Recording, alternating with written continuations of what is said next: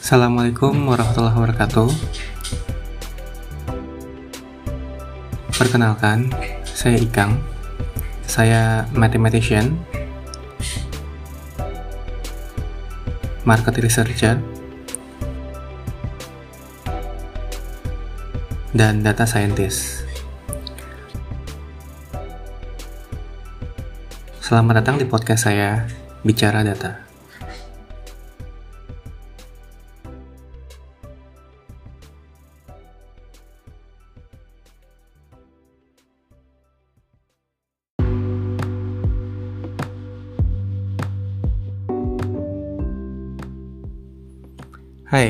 Selamat datang di episode pertama dari podcast saya, Bicara Data. Izinkan saya memperkenalkan diri lagi. Nama saya Ikang, saya seorang mathematician. Bukan klaim diri sendiri ya, karena memang saya kuliah di jurusan matematik di salah satu institut teknologi terkenal di Bandung yang kemarin baru aja ulang tahun gitu ya. Uh, jadi memang dulu ya ada uh, ungkapan itu. Kalau orang kuliah di kedokteran lulus jadi dokter. Orang kuliah di hukum jadi uh, pengacara gitu ya atau advokat. Kalau kuliah di matematik jadi apa? Ya jadi matematikawan atau mathematician gitu ya. Jadi memang saya kuliah uh, S1 di sana tahun 2004 uh, lulus di 2008 uh, setelah lulus sampai sekarang uh, pekerjaan saya uh, bidang pekerjaan itu ya itu bergerak di bidang market research gitu. Baru di uh, 2014 uh, itu mulai ada tambahan uh, mulai explore yang namanya data science sampai sekarang gitu ya. Oke okay, uh, izinkan saya memulai podcast ini dari latar belakang pendidikan saya di matematik gitu ya. Mungkin ada yang bertanya gitu ya, kalau uh, kuliah di matematik lulus jadi apa gitu? Dulu banget waktu saya kuliah, awal-awal kuliah, banyak teman-teman saya yang bingung. Lo kuliah di sana mau ngapain, sang? Mau ngapain gitu? Mau jadi apa? Jadi guru ya kalau lulus gitu ya. Nah itu sering banget tuh uh, pertanyaan itu muncul gitu tiap kali reuni atau apa gitu. Karena di benak mereka saat uh, orang kuliah mengambil jurusan pure science kayak matematik gitu ya itu persepsi mereka tuh pasti uh, wah ini orang pasti akan berakhir jadi guru atau dosen gitu.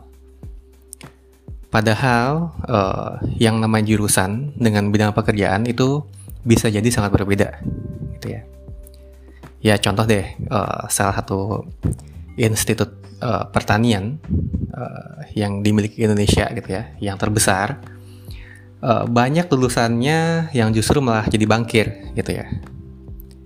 Jadi memang ada hubungannya gitu. Dulu saya berpikir seperti itu. Sekarang uh, justru saya berpikir di era data seperti ini kuliah di matematik itu menjadi salah satu competitive advantage bagi saya gitu ya.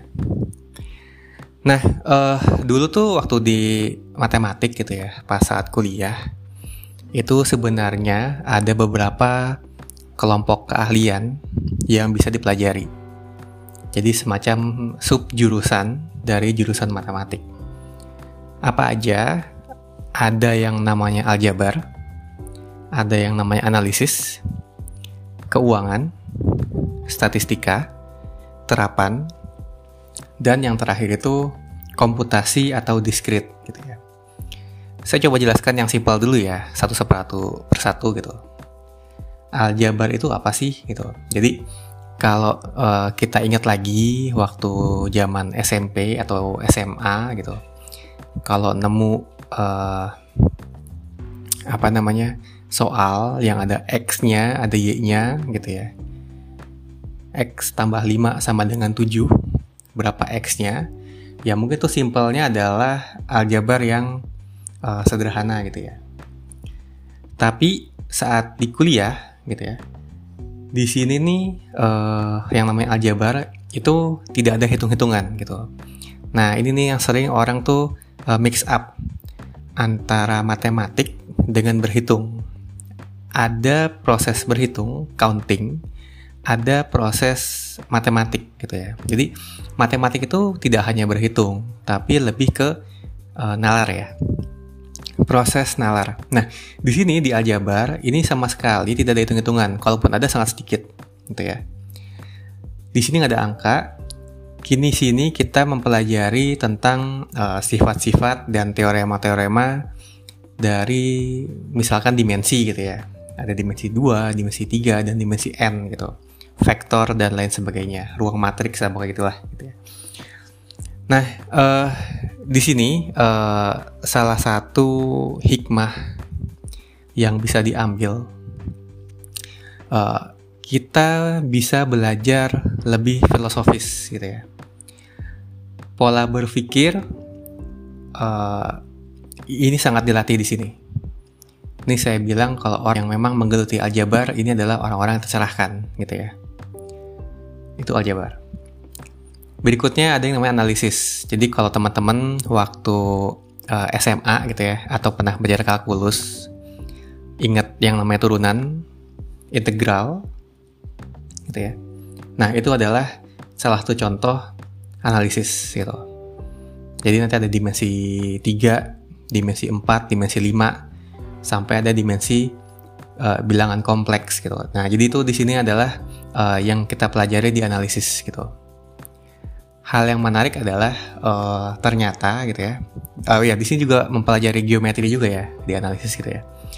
Jadi kalau uh, kita tahu gitu ya segitiga itu itu kalau sudut-sudutnya jumlahkan kan uh, paling bukan paling ya. Kalau kita punya segitiga, kita jumlahkan sudutnya, itu kan totalnya sama dengan 180 gitu ya. Tapi bisa jadi nanti suatu saat gitu ya, bukan suatu saat sih, di dimensi tertentu gitu ya, di suatu bidang tertentu itu bisa lebih dari 180 gitu. Pokoknya di sini tuh cukup mind bending lah uh, kuliahnya gitu ya. Lalu berikutnya ada keuangan. Di sini kita uh, lebih ngomongin tentang financial mathematics engineering gitu ya. Jadi dulu saya pernah ikut uh, kuliahnya dan kebetulan waktu S1 skripsi skripsi saya tentang uh, model matematik dari keuangan syariah gitu ya. Uh, di sini kita belajar tentang saham, option, future dan lain sebagainya. Dan kita di sini juga uh, mempelajari tentang uh, perhitungan peluangnya gitu ya, peluang suatu nilai saham uh, akankah dia naik atau turun gitu ya. Macam-macam deh. Nggak uh, cuma yang mikro, makroekonomi pun itu dipelajari di sana. Dan yang menariknya adalah kita belajar makroekonomi berdasarkan uh, permodelan matematik gitu. Itu sangat menarik gitu ya. Sangat menarik. Berikutnya adalah statistik. Nah ini mungkin teman-teman udah pada tahu kali ya statistik ini ngomongin apa gitu ya. Uh, di tempat saya dulu kuliah ini tidak ada jurusan statistik adanya jurusan matematik dan statistika itu jadi uh, salah satu kelompok keahlian di sana gitu ya uh, dulu sempat uh, ikut beberapa kuliah pilihan di sana yang menarik bagi saya adalah uh, mata kuliah tentang uh, geostatistika menganalisa spasial jadi ada statistika ada uh, spasial tuh apa ya uh, ruang lah ya jadi uh, dulu ini kalau kita ngomongin geostatistika ini paling banyak dipakai di industri mining atau oil drilling gitu. Jadi uh, seperti memprediksi kira-kira nih kalau kita pengen mencari sumur minyak tuh di uh, daerah mana lagi gitu ya. Seperti itu. Lalu berikutnya ada terapan atau applied math gitu ya. Nah ini macam-macam nih. Uh, kalau di tempat saya ini uh, ada uh, lembaganya jadi kayak semacam uh, konsorsium uh, isinya dosen-dosen uh, dan beberapa asisten dari mahasiswa S1, S2, S3 uh, yang membuat permodelan dari masalah-masalah yang ada di dunia gitu. Paling simpel adalah saat uh, kemarin COVID-19 uh, merebak, uh, salah satu matematikawan dari kampus saya dulu uh, memberikan semacam prediksi bahwa ini akan puncaknya di bulan apa gitu ya. Nah ini adalah salah satu contoh terapan. Ini adalah perpaduan dari beberapa uh, keahlian yang lain gitu. Ada statistika juga, tapi ada juga dari analisisnya gitu ya. Jadi ini mungkin lebih kalau saya bilang mungkin lebih pop ya. Arahnya lebih pop. Lebih banyak dipakai lah ini seperti itu. Yang terakhir ada komputasi atau diskrit uh, sesuai dengan judulnya gitu ya. Jadi kalau ada yang pengen jadi uh, programmer gitu ya, ini bisa masuknya ke sini. Karena dulu ada semacam anekdot, jadi kalau ada orang-orang yang gagal SPMB masuk ke informatika gitu ya, mereka akan lari ke matematik gitu. Karena beberapa mata kuliah uh, dari informatika kita bisa ambil, kita bisa ke sana gitu. Uh, di sini yang paling menarik bagi saya adalah belajar tentang teori graf. Di mana teori graf ini ini kepake banget uh, kalau kita mau menyelesaikan uh, masalah seperti uh, traveling salesman problem gitu ya. Atau uh, yang sekarang nih yang menarik mungkin social network analysis. Nah, ini teori grafnya sangat-sangat kepake banget sih gitu ya. Nah, Uh, jadi gitu cerita kuliahnya. Jadi uh, kuliah waktu itu 4 tahun. Uh, saya ambil semua mata kuliah dari kakak-kakak tersebut, kelompok keahlian tersebut itu ya. Uh, sementara pada saat endingnya uh, skripsi saya, tugas akhir saya itu berbicara mengenai keuangan syariah. Setelah lulus, saya masuk ke uh, perusahaan market research uh, lokal gitu ya uh, sempat berpindah-pindah beberapa kali ke multinasional juga sampai endingnya saya berlabuh di sebuah perusahaan FMCG uh, tapi tetap uh, di bidang yang sama. Di market research gitu ya. Oke okay, mungkin uh, sekian dulu perkenalan dari saya. Uh, sebelumnya uh, boleh di follow gitu ya. Uh, biar uh, nanti teman-teman tidak melewatkan kisah-kisah selanjutnya tentang uh, bagaimana uh, teknologi atau data science atau big data gitu ya itu mengubah tatanan market research gitu ya dan uh, apa ya pekerjaan uh, kita sehari-hari lah gitu. Oke, sekian dari saya di episode pertama ini. Uh, salam kenal, semoga uh, bisa membawa inspirasi bagi teman-teman semua.